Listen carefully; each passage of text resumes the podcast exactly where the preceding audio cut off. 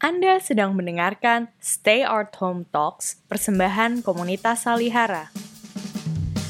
Dalam Stay Art Home Talks volume kedua ini, kami menghadirkan perbincangan dan pembacaan karya sastra Indonesia dengan merujuk 11 plus 1 kata kunci pada peta sastra Indonesia yang disusun oleh komunitas Salihara. Selamat mendengarkan!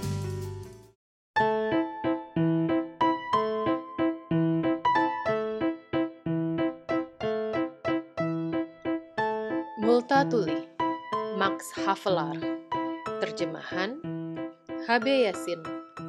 Jakarta Penerbit Jambatan Cetakan ke-7 1991 Halaman 119 sampai 121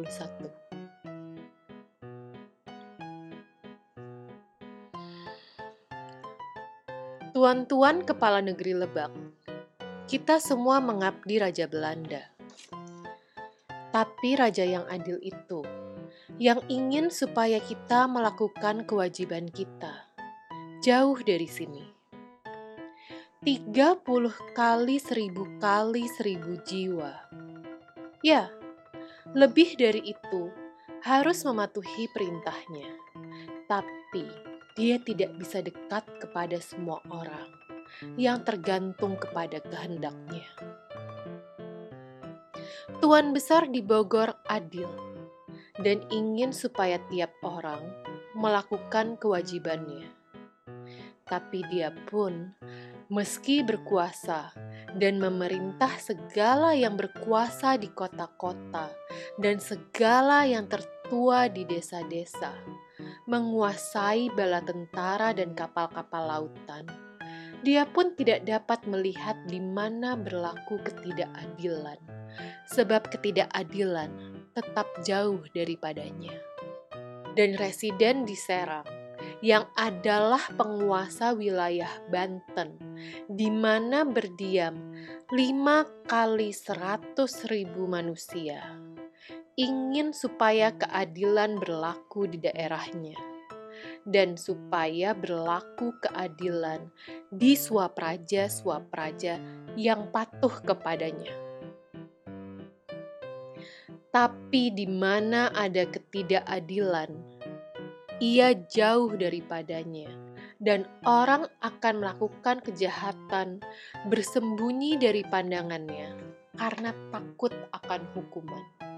Dan Tuan Adipati yang adalah Bupati Banten Selatan ingin supaya hiduplah orang yang mencari kebaikan, dan janganlah hendaknya ada kenistaan di wilayah kekuasaannya.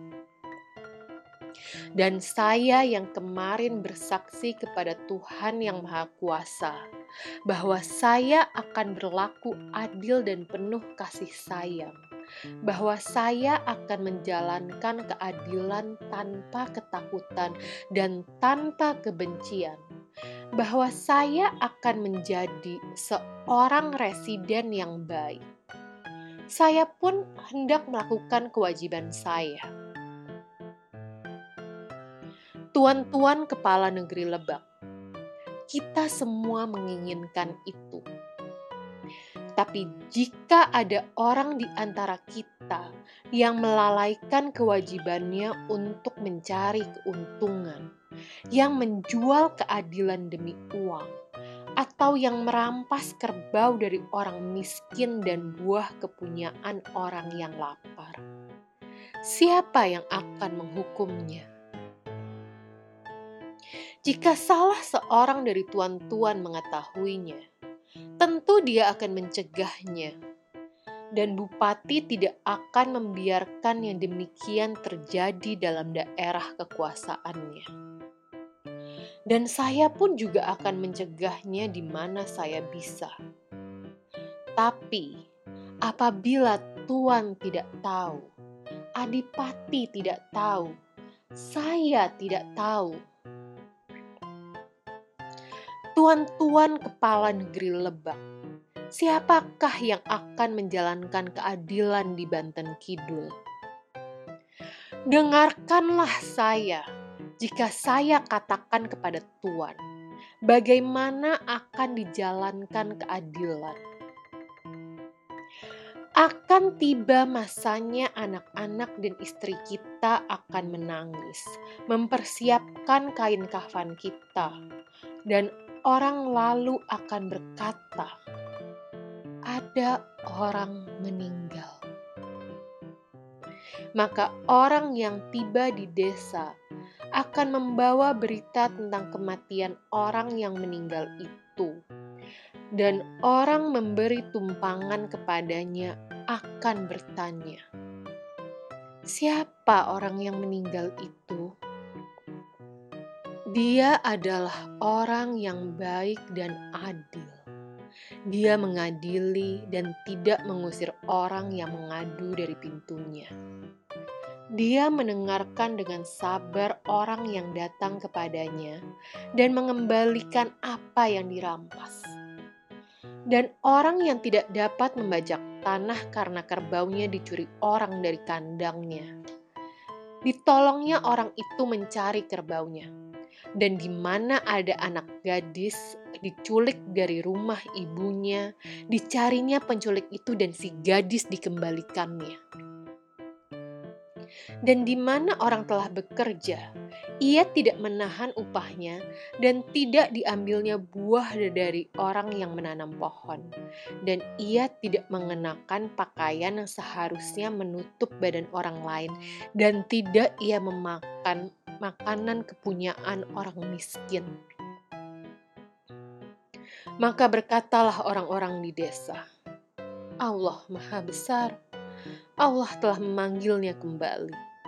Kehendaknya berlaku. Orang baik telah meninggal. Tapi sekali lagi lalu orang berhenti di depan sebuah rumah dan bertanya, "Ada apa maka gamelan tidak berbunyi dan gadis-gadis tidak bernyanyi?" Dan orang-orang berkata pula, "Ada orang meninggal."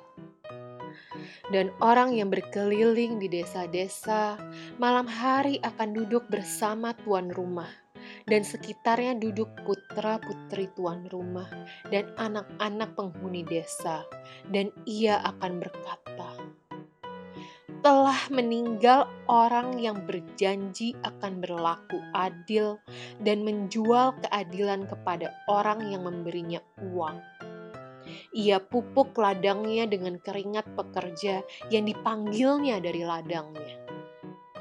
Upah pekerja tidak dibayarnya dan ia makan makanan orang yang miskin. Ia menjadi kaya dari kemiskinan orang lain. Banyak barang emas dan perak kepunyaannya, dan banyak batu permata.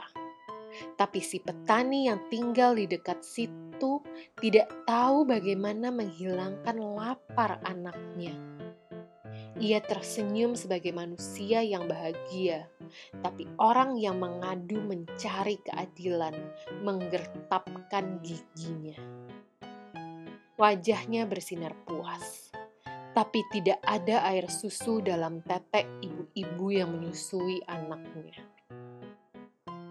Maka berkatalah penghuni desa, Allah Maha Besar, kita tidak mengutuk siapa-siapa.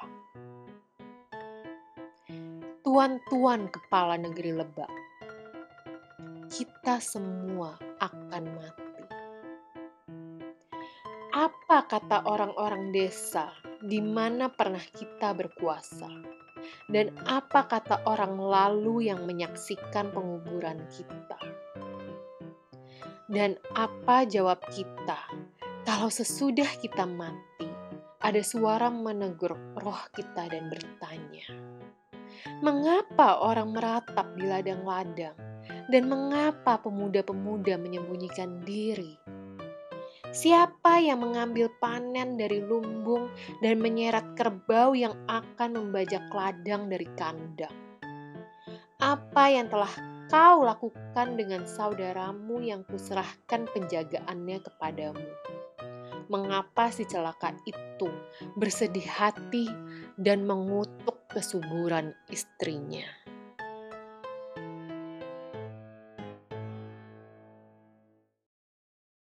Pada bagian pertama ini kami akan berbicara tentang novel Max Havelaar karya Multatuli yang diterjemahkan oleh HB Yasin dengan judul podcast kurang lebih Hikayat Perlawanan dari Lebak.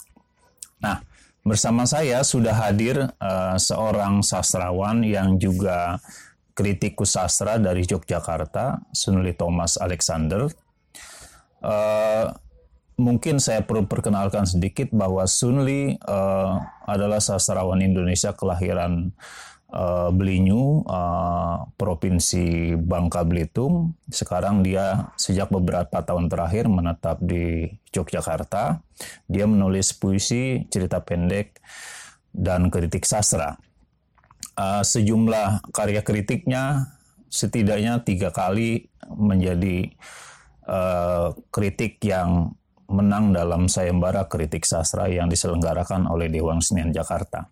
Mungkin Sunli bisa uh, mengupas sedikit fenomena novel ini, bagaimana ia memberikan suara atau pembelaan terhadap kaum bumi putra Hindia Belanda yang tertindas oleh kolonialisme. Silakan Sunli. Iya, uh, saya kira memang ya uh, kalau mereka berharga ini novel ini penting sekali ya uh, bisa dijadikan satu tongkat ya bahwa uh, ada perspektif dari kolonial dari kolonial uh, suara dari orang uh, dari dari penulis kolonial yang kemudian uh, memberikan empati dan simpatinya terhadap penderitaan masyarakat tanah jajahan. Ini di sini uh, sangat-sangat hal yang sangat signifikan sangat penting. Tapi persoalannya kita harus melihat watak watak kolonialisme sendiri ya. Uh, kolonialisme selalu uh, berada dalam posisi ambivalen. Di satu sisi seperti apa yang di, disuarakan uh, oleh uh, seorang uh, uh, Edward Dostoevsky itu kan humanisme, humanisme Eropa yang dia bawa, yang dia anut. Ini terkait juga dengan moralitas Protestan Calvinis ya, yang yang menjadi latar belakang dia sehingga dari kemudian uh, dia melihat apa yang terjadi di tanah jajahan ini uh, terutama yang dia tekankan di sini adalah pemerasan oleh uh, pejabat lokal. Dalam hal ini Bupati Lebak terhadap uh, uh, apa namanya rakyatnya. Ini tidak uh, luput dari perhatian para pejabat kolonial. Ya uh, uh, baik uh, asisten sebelum dia atau kemudian yang uh, pada posisi lebih lebih tinggi di atas dirinya. Nah, ketika masalahnya ketika dia uh, mencoba menyampaikan apa yang dia dapatkan di lapangan kepada tinggi di atas dia, suaranya dia ditolak karena pertimbangannya seperti ini. Dia tidak melihat bahwa persoalan sebuah negeri eh, penja, eh, kolonial seperti Belanda dengan jumlah apa namanya penduduk yang sedikit, jumlah jumlah eh, kapasitas kapasitas yang yang kecil mereka tidak akan sanggup mengontrol tanah jajahan seluas Hindia tanpa bantuan pembesar pribumi.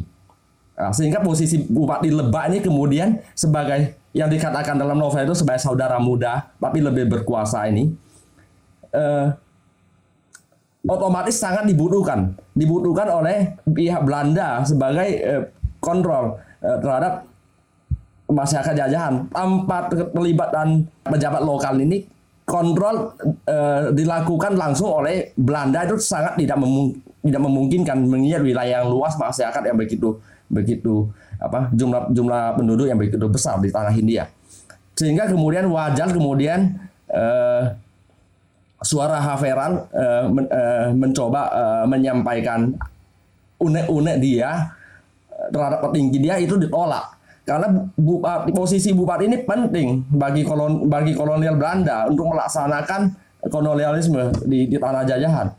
Uh, meskipun kemudian Havera jelas melihat ya bahwa ini bertentangan dengan dengan uh, salah satu sebenarnya ya yang menjadi menjadi menjadi titik tolak apa uh, kolonialisme di samping di samping masalah ekonomi eh, apa eh, penguasaan penguasaan terhadap di seberang, eksploitasi dan semacam.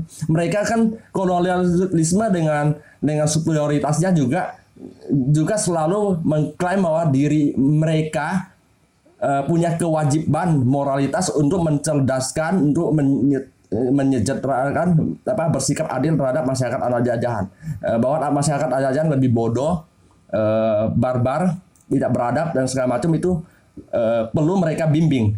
Uh, maaf, uh, Multaruli uh, Dekker dalam hal ini melihat uh, bahwa penindasan yang terjadi di lapangan yang yang tidak di, dikubris itu oleh petinggi di atas dia ini justru bertentangan dengan uh, prinsip katakanlah prinsip moralitas yang sebenarnya juga dibawa oleh uh, kolonialis terhadap tanah-tanah jajahan mereka yaitu dalam hal ini membimbing Nah, aspek eh, ketidakadilan yang dia rasakan ini kemudian disuarakannya sendirian rupa, eh, tapi pada eh, pada akhirnya kan kita melihat bahwa dia justru ya dianggap eh, bermasalah karena berani mengusik persoalan ini.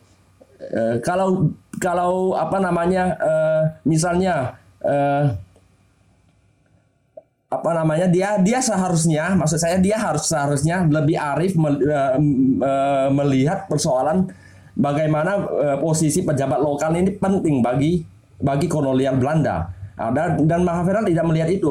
Terlebih lagi dia tidak melihat lebih lebih rinci lebih detail persoalan hubungan antara pejabat lokal dalam hal ini yang yang selalu ya selalu notabene dipilih dari kaum bangsawan uh, dengan masyarakatnya. Uh, hubungan tradisional, hubungan hierarkis tradisional itu masih begitu kuat di tanah Jawa, termasuk di di di, di, di Lebak ya ini.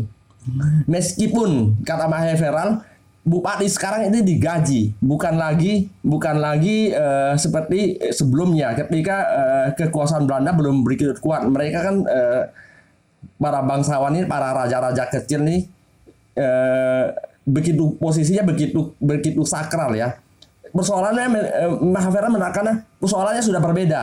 Nah, tapi dia tidak melihat bahwa kesinambungan itu masih ada, bahwa rakyat di samping merasa tertindas, eh, merasa diperas, tapi mereka juga di, di satu sisi dibalik ketidaksukarelaan menyerahkan menyerahkan sesuatu kepada para pembesar, juga mereka di bawah sadar, eh, sadar dan tidak sadar secara kebudayaan mereka masih memiliki sikap tunduk itu terhadap terhadap kaum bangsawan. Nah ini yang ini yang tidak jeli dilihat oleh Oke, okay. Sunli, uh, jika kita menggunakan urutan secara kronologis, memang uh, setelah itu kita uh, menemukan politik etis tahun 1901 ya, yang intinya sebetulnya memberikan pendidikan untuk kaum bumi putra hingga tingkat menengah dan uh, irigasi dan kalau tidak kesehatan ya. Jadi poin-poin itu bisa juga dilihat sebagai bagian atau uh, kesinambungan dari suara Multatuli pada 40 tahun sebelumnya. Uh, juga bagaimana Abendanan me menemukan atau berhubungan dengan Kartini, seorang putri uh, bupati di Jepara, itu juga uh, yang nanti akan menjadi pembahasan kita pada podcast berikutnya. Selain persoalan yang tadi sudah kita bicarakan, ada satu segi yang sangat menarik uh, buat saya ya, bahwa novel ini pada akhirnya juga sebuah permainan bentuk yang boleh dibilang sangat baru pada awal pada paruh kedua abad 19 ya. Dia diterbitkan tahun 1860 yaitu permainan bentuk yang kemudian dikenal sebagai metafiksi. Jadi novel tentang novel. Nah, di, kita tahu di dalam cerita itu kan keunikan bentuk novel ini pada masa ketika uh, teori metafiksi itu belum menjadi pembicaraan dalam kritik sastra. Silakan. Uh, Oke, okay. Ya, saya pikir aspek salah satu aspek yang paling menarik dari novel ini adalah metafiksi itu, bentuk metafiksi itu. Kes, bagaimana kesadaran seorang pengarang pada masa itu ya eh, akan eh, bentuk eh, novel eh, dari aspek kepenerjemahan ini, dari aspek narratologi ini, ini ini kupira ini sangat menarik ya. Eh, novel ini sendiri kita tahu ya ada ini ini seolah-olah ditulis oleh uh, tiga orang. Maksudnya uh, dalam hal ini adalah uh, Dostoevsky menggunakan tiga narator. Pertama adalah si Dostopel yang yang sebagai pembuka novel. Lalu kemudian ada uh, si Einstein, seorang pemuda Jerman uh, yang ditugaskan oleh si Dostopel ini untuk menulis berdasarkan bahan-bahan mentah yang dikasih oleh eh, Salman kepada dirinya. Lalu kemudian Multatuli yang tiba-tiba muncul di akhir novel, eh, lalu kemudian seolah-olah membebaskan tugas semua karakter eh, yang dia bebankan untuk eh, eh, maksudnya di, eh, yang dia dia bebankan sebagai narator sejak awal seperti Doc Stoppel dan Einstein maupun Fritz yang membantu si Stan. Semua ketika Multatuli muncul pada akhir novel, semua karakter narator itu kemudian seolah-olah dia bebas tugaskan. Ini ini pikir ini ya eh, eh, satu satu kesadaran naratologi yang yang kuat sekali ya pada eh, eh, pada masa itu ya. Eh, lalu kemudian kita melihat bagaimana sosok Dekker sendiri ya dengan segera pengalaman dia di Hindia yang ingin disampaikan disuarakan dia kepada masyarakat pembaca di Belanda. Ini muncul dalam tiga sosok tiga, tiga karakter, tiga sosok. Yaitu pertama sebagai Salman, sebagai seorang lelaki uh, mantan pejabat kolonial yang kembali ke Belanda dalam keadaan miskin, uh, lalu dipandang rendah oleh teman lamanya si si narator Dos Dos dianggap kurang taat, dianggap uh, sosok yang yang seharusnya dijauhi karena karena bermasalah. Lalu kemudian dia muncul lagi pada karakter kedua yaitu Mahaveral yang begitu heroik, seorang pembela, seorang yang begitu uh, berbesar jiwa sehingga bersimpati terhadap penderitaan uh, rakyat di koloni. Nah, sosok Mahaveral ini kemudian boleh katakan kita sebut lahir dari idealisme seorang seorang seorang Einstein ya, seorang pemuda Jerman, muda belia yang idealismenya mengebu-ngebu.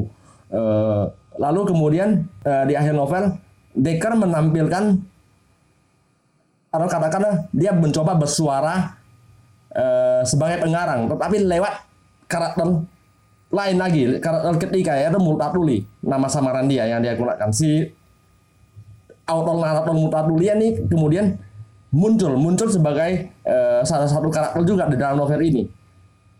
Uh, lalu kemudian kesadaran kalau kita mau bicara kesadaran uh, uh, novel atas novel bagaimana uh, sebuah novel bercerita tentang proses penulisan novel itu sejak awal itu itu memang sudah sudah terlihat jelas bagaimana si Dos novel berbicara bagaimana dia bertemu dengan dengan teman lamanya kemudian ketidakmampuan dia menulis novel lalu kemudian dia harus uh, memberi tugas kepada seorang karyawannya ya dalam hal ini Stan untuk menulis novel ini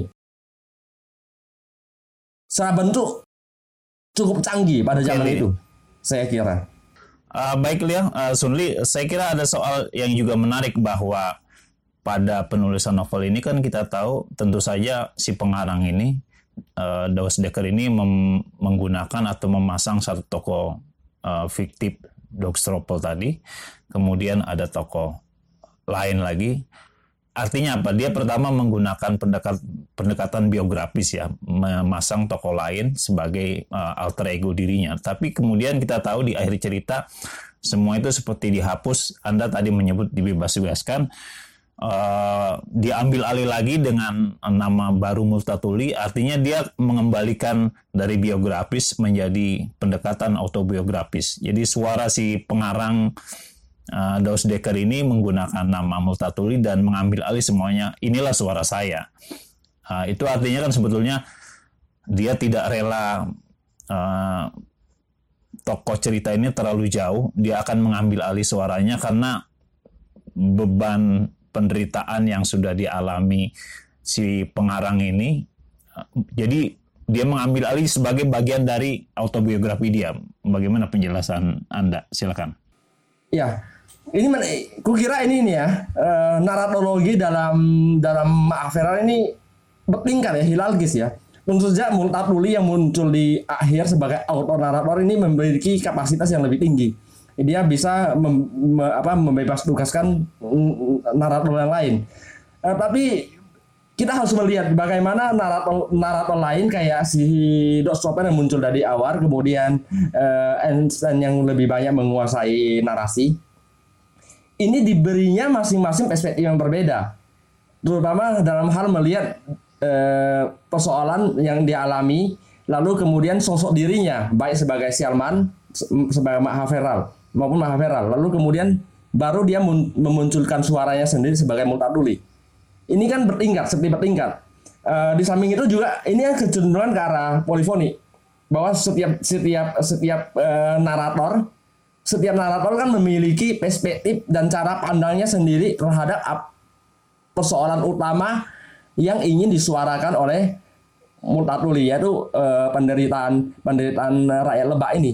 Uh, seorang narator seperti Dok Sloper kan dia bisa dikatakan mewakili masyarakat elit Belanda pada masa itu ya sebenarnya tidak tahu menahu tentang Belanda uh, sorry sorry yang yang yang sebenarnya tidak tahu menahu banyak tentang tentang si uh, kondisi Hindia Belanda tapi sangat menyetujui kolonialisme Belanda terhadap Hindia. Karena berdasarkan uh, apa yang didengar, di, di, di, didengarkan didengar oleh karakter Dok Soper ini tentang eh, tanah Belanda sendiri tentang eh, tentang kondisi Hindia Belanda sendiri sepenuhnya adalah eh, sebuah pandangan yang sangat jauh ya yang yang yang sebenarnya tidak sama-sama tidak menyentuh menyentuh menyentuh kondisi kondisi kondisi lir di, di, di Hindia Belanda. Tapi dianggapnya kolonialisme Belanda yang, yang atas Hindia sebuah adalah sebuah hal yang sah di mana bangsa itu kan disuara kita melihat jelas apa yang dalam dalam tes novel itu. Bagaimana seorang tokoh si Dok Stopper ini berbicara tentang eh,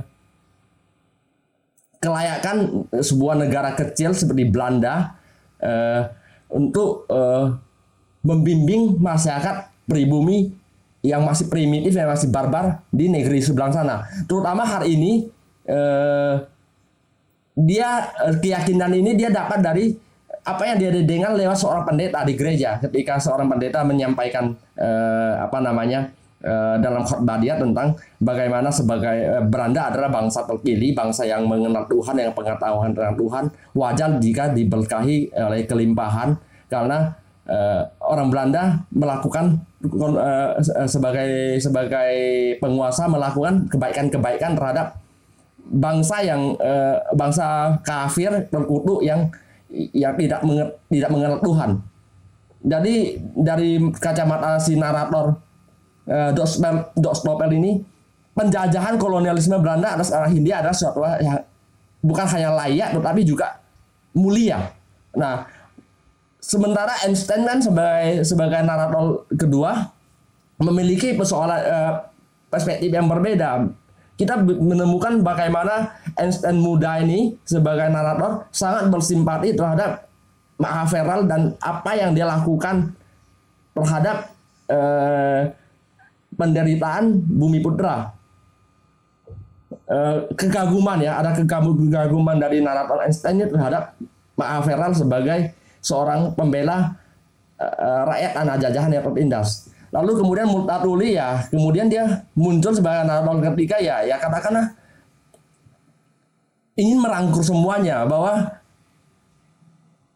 dengan kesadaran kesadaran metafiksinya ya dia kemudian e, mengajak kita melihat bahwa apa yang e, yang disampaikan oleh narator-narator ciptaan dia e, sebelumnya kayak Doc Stopel dan si Stan itu kan adalah cara sebenarnya ya cara dia melakukan gugatan.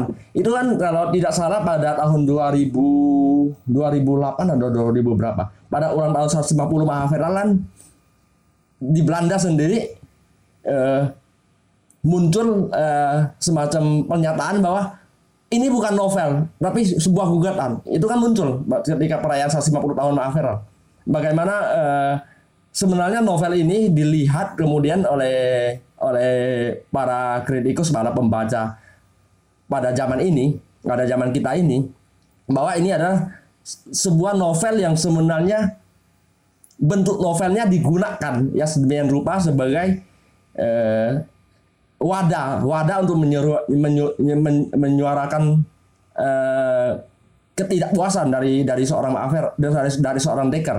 Nah, yang menarik kan kemudian meskipun novel ini bisa kita katakan diperalat dan tanda kutip sebagai medium perjuangan, medium perlawanan.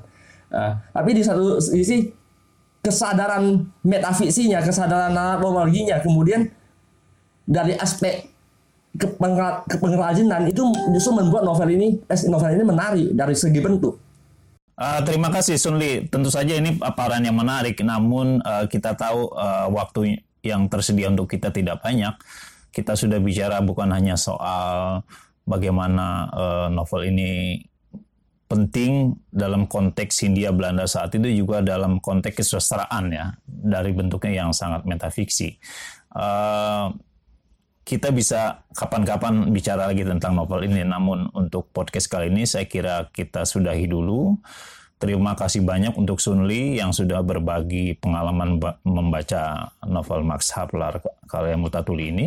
Dan teman-teman sekalian, uh, sampai bertemu lagi pada podcast Stay at Home Talks volume kedua episode yang berikutnya, yaitu soal surat-surat Kartini dan bagaimana Eh, surat-surat uh, atau pemikiran Kartini ini mengubah pemikiran perempuan dan kaum bumi putra di India Belanda. Uh, sampai ketemu lagi, jangan lupa panteng terus uh, podcast kami karena ini adalah bagian dari kami komunitas Salihara mengkampanyekan budaya membaca buku, buku-buku sastra terutama dan menghidupkan literasi di tengah masa pandemi yang kita tidak tahu sampai kapan akan berakhir. Sekali lagi terima kasih Sunli, teman-teman Salehara dan para pemirsa sekalian. Uh, selamat siang.